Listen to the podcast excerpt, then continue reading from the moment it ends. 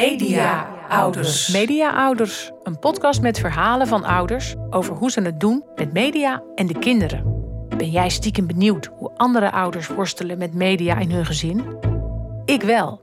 Ik ben Marije Schuurman, moeder van twee al wat grotere kinderen. Oortjes uit die de hele dag met oortjes inlopen. Of moet ik daar niet over zeuren? Om te horen hoe andere ouders dat doen, ga ik langs bij twee gezinnen in Rotterdam en Deventer, waarvan je de ouders misschien wel kent van de media. Anna van den Bremer, columniste bij de Volkskrant. Ze schreef het boek Alle ouders klungelen maar wat aan. En dat het echt wel heel lekker is om ze even achter uh, een filmpje te zetten.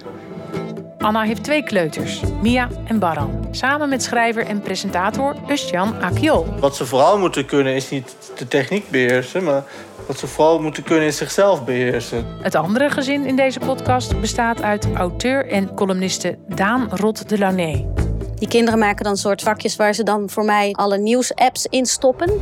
Haar vier kinderen, Elvis van 19, Rover van 17, Wolf van 13 en Maatje Piet van 10.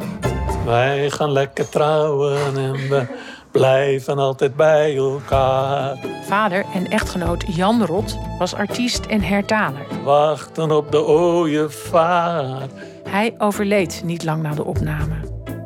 Maar wij, de makers en zijn gezin, willen juist wel zijn verhalen laten horen. En ook gebruiken we Jans muziek.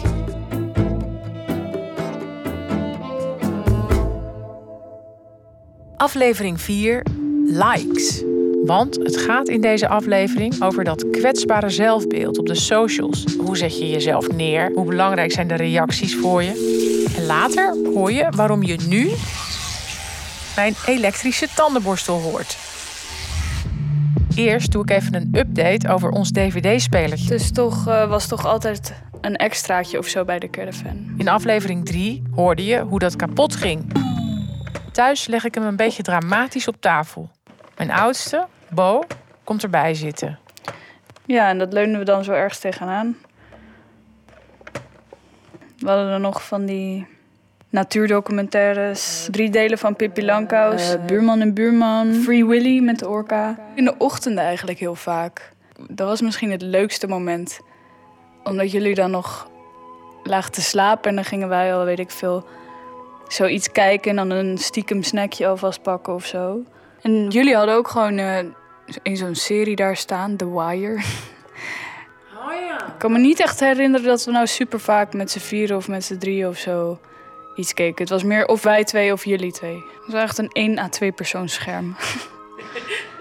Ja. Twee aan twee, gezellig, één scherm. Niks kunnen intoetsen en niet kunnen swipen. En er komen ook niet ineens berichtjes door de film heen. Daarvan word ik persoonlijk ontzettend onrustig.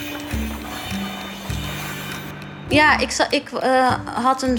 Had jij ja, mij ik had een heel lief filmpje van jou gemaakt. Het kan natuurlijk wel leuk zijn, interactie met volgers. Daan die heeft dat met 25.000 volgers.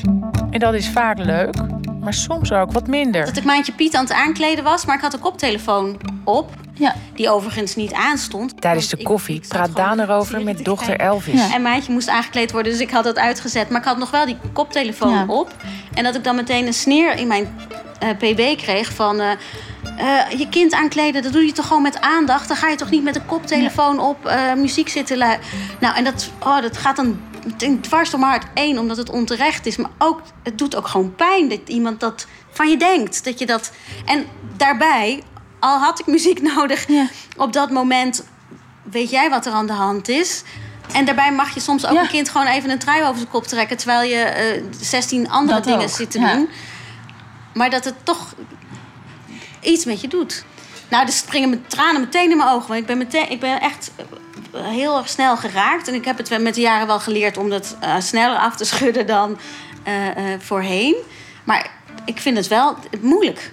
En dan is het ook natuurlijk maar zo'n deel van het, van het hele plaatje. En vooral leuk. Ik ben vooral van het leuke dingen delen. Waar ik ook wel eens op aangesproken ben. Dat ik iemand ongelukkig maakte door het feit dat ik alleen maar leuke dingen uh, deelde. Wat ik dan ook weer heel ingewikkeld vond. Daan post al elf jaar filmpjes en foto's over boeken en voorstellingen die ze leuk vindt. En daarin zie je door de jaren heen steeds meer van haar persoonlijke leven en van dat van Jan en de kinderen. Wat voor soort reacties krijgen zij naar aanleiding van de blogs van Daan? Mm, niet echt één keertje op de basisschool. Je hoort Wolf. En dan was ik zo verkleed als een Star Wars figuur. En dan ging ik zo door de stad met mijn laserzwaard. Toen kreeg ik de volgende dag op de school van... Hè, was je nou verkleed in de stad of zoiets? nou ja, één keer hadden we op TikTok en dan was er, stond iets van... Zitten jullie nou ook al op TikTok? En dan hebben we uiteindelijk gewoon geen aandacht gegeven. Maar dat is maar één keer echt voorgekomen. En ja, als je daar echt aandacht gaat afgeven of slecht over gaat voelen... dat moet gewoon niet, want dat is wat ze willen. Het zusje van Wolf? Nou, ik deel het uh, TikTok-account met Wolf. Maatje Piet. En ik heb voor de rest eigenlijk niet echt iets online waar ik reacties op kan krijgen. Dus een nieuw item in je leven, toch? Vertel. um, ja, mijn telefoon. Wat moet ik erover vertellen? Nou, je bent tien. Ja. Ik weet, dat je moeder heeft eerder verteld aan mij dat je um, zou hem krijgen als je naar de middelbare school ging. Maar je bent niet een leerling die vooruit is gespeurd uh, en alvast op de middelbare school zit, toch? Nee. Nee, dat niet. Ik heb hem al wel wat vroeger gekregen. Dit is hem. Ik heb sowieso al wel Disney Plus, TikTok en YouTube. Sowieso WhatsApp en bellen. Dat is eigenlijk het belangrijkste. Dat was eigenlijk een beetje waarvoor we hem hadden. Maar dat bellen heeft ook te maken met dan de situatie thuis en rondom je vader, toch? Uh, ja, daarom hadden we hem ook wel iets eerder. Ja. Dan is het toch wel fijn dat je allemaal altijd heel goed bereikbaar bent. Ja. ja. Ik praat een tijdje door met Elvis. Ze zit in een andere stad op de toneelacademie, maar is af en toe ook thuis. Kan je ook laten zien waar jij zelf op zit en opgaat en die op post en zo? Op post? Ze geeft me een inkijkje in haar sociale medialeven. Uh, nou, dat is eigenlijk uh, vooral Instagram. Uh, dan heb ik twee accounts op. Een, een, openbaar account, en daar kan gewoon iedereen mij volgen. En een privé-account. En dat is echt meer voor mijn vrienden. En daar zet ik ook meer persoonlijkere dingen op. Of ook echt foto's van mijn vrienden. Of uh, ja, meer de dingen waarvan ik denk, ik vind het fijn als ik er controle over heb wie, wie dit kan zien. Om, af om een soort bubbeltje te scheppen ook wel. Want het voelt soms zo overweldigend uh, dat je de hele de blik van iedereen hebt. Um, ik, ik, doe ook wel eens wat op Facebook. Wat uh, binnen mijn leeftijd een beetje als een oma-app gezien wordt. Ik vind het heel leuk dat je bijvoorbeeld ook artikelen kan delen. Um, maar wat doe jij dan bijvoorbeeld op, uh, op Instagram? Op die publieke dan, hè? Want ja, dan... Je mag, me ook, je mag mijn privé ook van zien hoor. Vaak zet ik daar wat, wat langere verhaaltjes uh, ook op. En dat meer ook dat ik dan goed weet van... Oh, dit, dit begrijpen deze mensen, want die kennen mij echt. Dus mijn privé voelt ook wel echt wel een beetje als een fotoalbum. Uh, ik ook heel vaak denk, ik wil dit ook wel heel graag tastbaar maken. Dus misschien moet ik dat binnenkort maar eens doen. En op, ja, we zijn nu even op mijn openbaar aan het kijken dan. Uh, het zijn ook vaak meer foto's van bijvoorbeeld een fotoshoot of zo, zet ik daar meer op. Of ook uh, want doe jij, gedichten. Want, want, dat doe jij ook? Ja. Uh, nou ja, niet heel, heel vaak, maar het gebeurt wel eens. een soort fotografen die zeggen ik zou je willen fotograferen. Dus dat is een beetje dat. Um, of ik zet daar ook wel zet daar meer projecten op. Dit was dan een, een lied dat we hadden geschreven uh, met de klas. Kan je even zeggen hoe deze heet? Of vind je dat, wil je dat liever? Ja hoor. Uh, deze pagina. Dit, dit heet A Girl Named Elvis. Als A Boy Named Sue van het liedje. Maar dan met Elvis en een meisje. um, zo heet die pagina. Ja. Hoeveel volgers heeft dat dan? Uh, dit heeft uh, 7381 volgers. Dat is toch heel veel? Dat is best, ja, is best veel. Komt ook veel van mama uh, over. Die dan denken, oh, die dochter die wil ik ook wel volgen. en ook eigen volgers uh, als vrienden of collega's. Ja. En wil je dan, heb je daar dan een bepaalde doel mee? Met... Nee. nee. Nee, ik denk vroeger wel meer. Dat ik het dan ook heel leuk vond. Dat je dan ineens veel volgers kreeg. Nu heb ik dat, uh, nu heb ik dat eigenlijk niet meer. Of ik er niet zo goed een nut van inzie. Maar ik heb wel eens, um, bijvoorbeeld met likes of reacties of zo... dat ik daar dan wel eens bij kan denken... nou, waar, waarom krijg ik het nu niet meer? Of gaat er nog iemand reageren? Of is dit stom? En toch een soort onzekerheid uh, die aangewakkerd wordt. Omdat het zo concreet is. Het zegt, ik vind dit leuk. En zoveel mensen vinden dit leuk. En het, is natuurlijk, hoe meer mensen het leuk vinden, hoe beter. Of dat, dat zit denk ik ook zo'n beetje bij ons ingebakken. En al helemaal, nu dat we al deze apps hebben... Uh, is dat misschien nog wel nog meer een nieuw verlangen geworden. 910 likes kreeg Elvis op een mooie, gladde foto van haar door een professionele fotografe. Een gewonere foto die veel meer betekent voor Elvis, waar ze een vriend omhelst die ze lang niet had gezien, kreeg veel minder reacties. Ben je wel ook soms eens kritisch op bepaalde internet? Uh... Ik vraag Elvis of ze ook wel eens kritiek heeft op de mediabedrijven die dit soort mechanismen voeden. Dat je denkt, mm. nou, er zijn wel grenzen. Of, ja. Nou, ik vind bijvoorbeeld uh, wat in mijn generatie, mijn generatie, wel een groot ding is, is bijvoorbeeld de, de dating apps als een Tinder en zo. En uh, ik vind dat uh, het mechanisme van mensen gewoon eigenlijk alleen al het gebaar van iemand aan de kant swipen. En alleen al een plaatje van iemand, puur alleen daarop iemand wegswipen. Uh, best wel beangstigend. En ik word er zenuwachtig van. En ik denk, oeh, hoe gaat dat zich uiten in ons dagelijks leven? doen we dan ook meteen, oh nee, jij hoeft niet. En dat we niet meer ons willen verdiepen in mensen bijvoorbeeld. Ja, het is uh, ingewikkeld dat dan bijvoorbeeld liefde op eenzelfde manier wordt behandeld als, als je Uber-app. Dat is eigenlijk bijna zoals je eten wegswipt, swipe je dan ook mensen weg. Uh, van dat soort fenomenen word ik wel zenuwachtig. Um, maar ik heb bijvoorbeeld ook aan die app heb ik wel. Dat is dan, uh, dat heet dan unfollowers. En dan kan je kijken wie je heeft ontvolgd. Um, en ik, ik doe dat maar heel af en toe. En uh, dat je dan toch even kijkt. Terwijl eigenlijk word je er altijd alleen maar ongelukkig van. Um, maar je hebt natuurlijk wel eens mensen die meer uit beleefdheid volgt. En dan zie je, oh, ze hebben mij ontvolgd. Nou, kan ik ze ook ontvolgen. Zo weet je dat. En, en ook om, ja, het, is uh, wel fascinerend. Ik vind het ook fascinerend dat ik die app heb. Um, ze dan toch een soort controle willen. Of uh, ja, een soort zekerheid of bevestiging van... oh, nou, deze persoon volgt me nog steeds.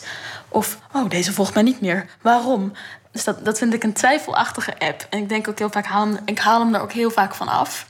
En dan zo eens in de zoveel tijd denk ik, nou, zal, ik weer eens kijken? Uh, eigenlijk word je er alleen maar ongelukkig van. Tot zover de jongste generatie volwassenen, waar ik als ouder best wat van kan leren. Hoe is het intussen met de kleintjes in Deventer? De kleuters van Anna en Usjan, Paran en Mia, die nog niet zelf beslissen over wat ze wel en niet doen op het scherm. Al oefent Mia wel alvast.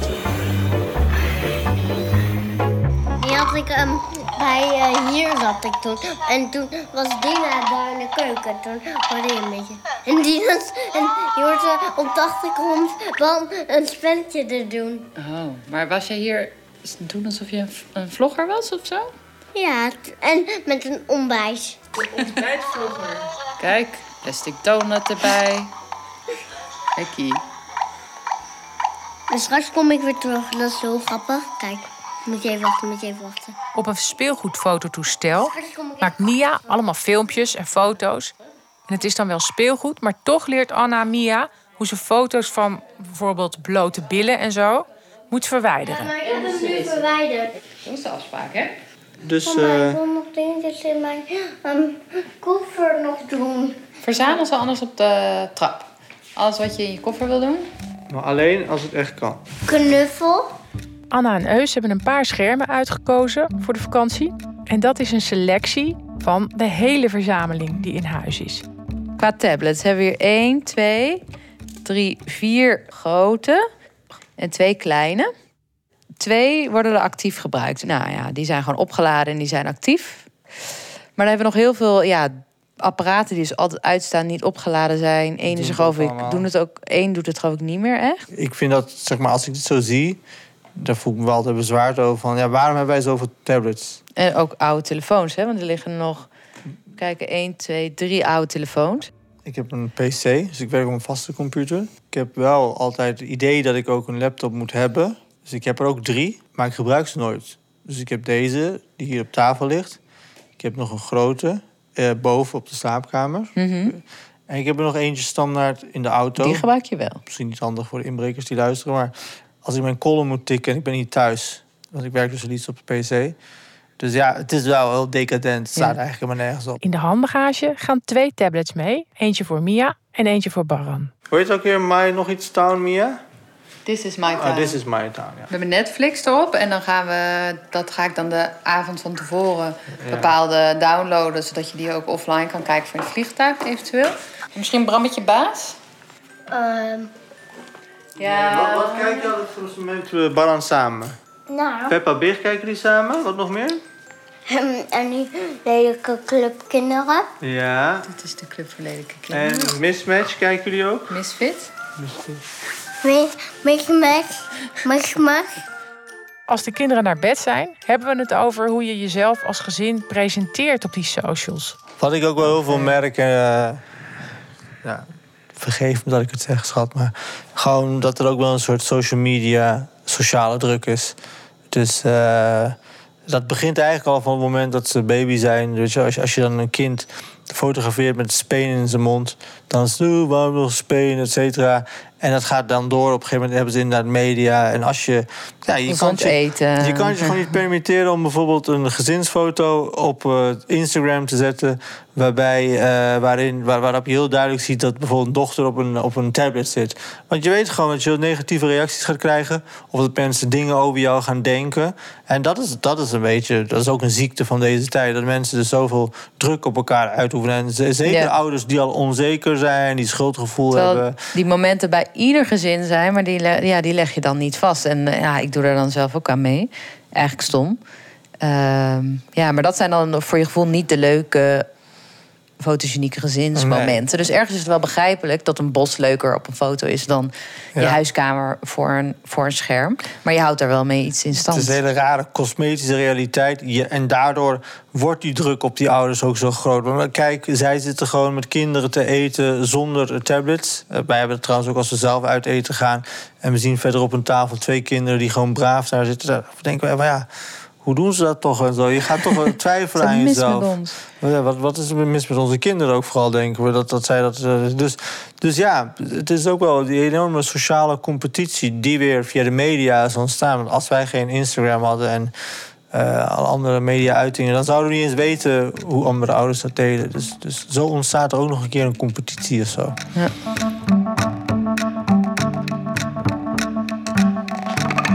Bo, Ja, ligt die dvd-speler nog op tafel? voor zover ik weet wel. Ik wil hem toch proberen ja, te repareren, dus ik ga naar zo'n repaircafé. Die is vanavond open. Dus dan ben ik later, oké? Oh ja. Ja, is goed. Doei. Nou, het is lekker druk in het eh repaircafé. Hallo. Ik ben bang dat het eh, inderdaad toch een van de kleine componentjes is. Ik ben bang dat dit eh, een verloren zaak gaat zijn. Helaas. Een eerlijk antwoord. Een eerlijk, maar eh, niet leuk antwoord. Maar ja, ja, meer zit er helaas niet in. Ik wil niet te veel vasthouden aan het verleden, maar ik vind dat samen kijken zo gezellig. Met mijn kinderen. In de volgende aflevering hoor je hoe ik probeer dat toch voor elkaar te krijgen. Het was een lange dag voor iedereen.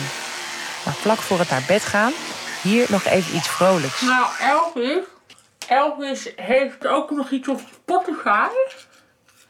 En dat eh, vind ik zelf ontzettend eh, bruikbaar. Ik zal dat fragmentje even laten horen. Ik heb laatst een afspeellijst gemaakt met allemaal liedjes van de 2 minuten tot 2 minuten 15. Ja, nou, het heet Tandenpoetsen eh, van Elvis Rot. nou, er zit ook bijvoorbeeld Barbapapa. De intro van Barbapapa is ook 2 minuten. eh, wat is het? Nou, 2 minuten 7, zoiets. Ehm, wat hebben we nog meer? Dan hebben we ook eh, wat Leonard Cohen zit er ook in. Een beetje een donkere ochtend of avond wil. Maar eh, de jeugd van tegenwoordig zit er ook in. Met een eh, heel erg wonderlijke versie van een liedje.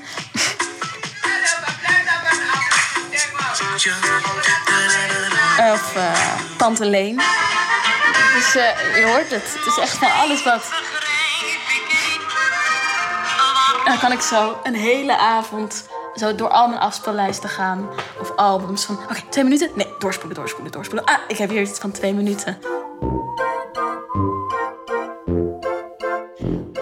Dit was aflevering 4 van Media Ouders. Wil je meer verhalen? Abonneer je dan via je podcast-app. We vinden het extra leuk als je een review geeft. Dan kunnen nieuwe luisteraars ons beter vinden. Volgende week in Media Ouders. Terug naar, uh, naar Indonesië. Nou, daar was geen beatmuziek. Of er was geen radio, televisie. Af en toe stuurden dan tantes of zo stuurden een pakket met muziekbladen op van uh, oudere kinderen. En die, die frat ik helemaal leeg. En, heel af en toe kwam er dan bezoek uit Nederland of zo. Die namen dan wel een singeltje mee. Dus eigenlijk elk singeltje was een schat. Maar dat, dat is bijna de eenzaamste periode geweest. Deze podcast is gemaakt door mij, Marije Schuurman-Hes van Radiomakers de Smet. Joris van Damme verzorgde het sounddesign en de eindmix. De meeste muziek is van Jan Rot en van Studio Kickvis. We werkten samen met de openbare bibliotheken van Noord- en Zuid-Holland.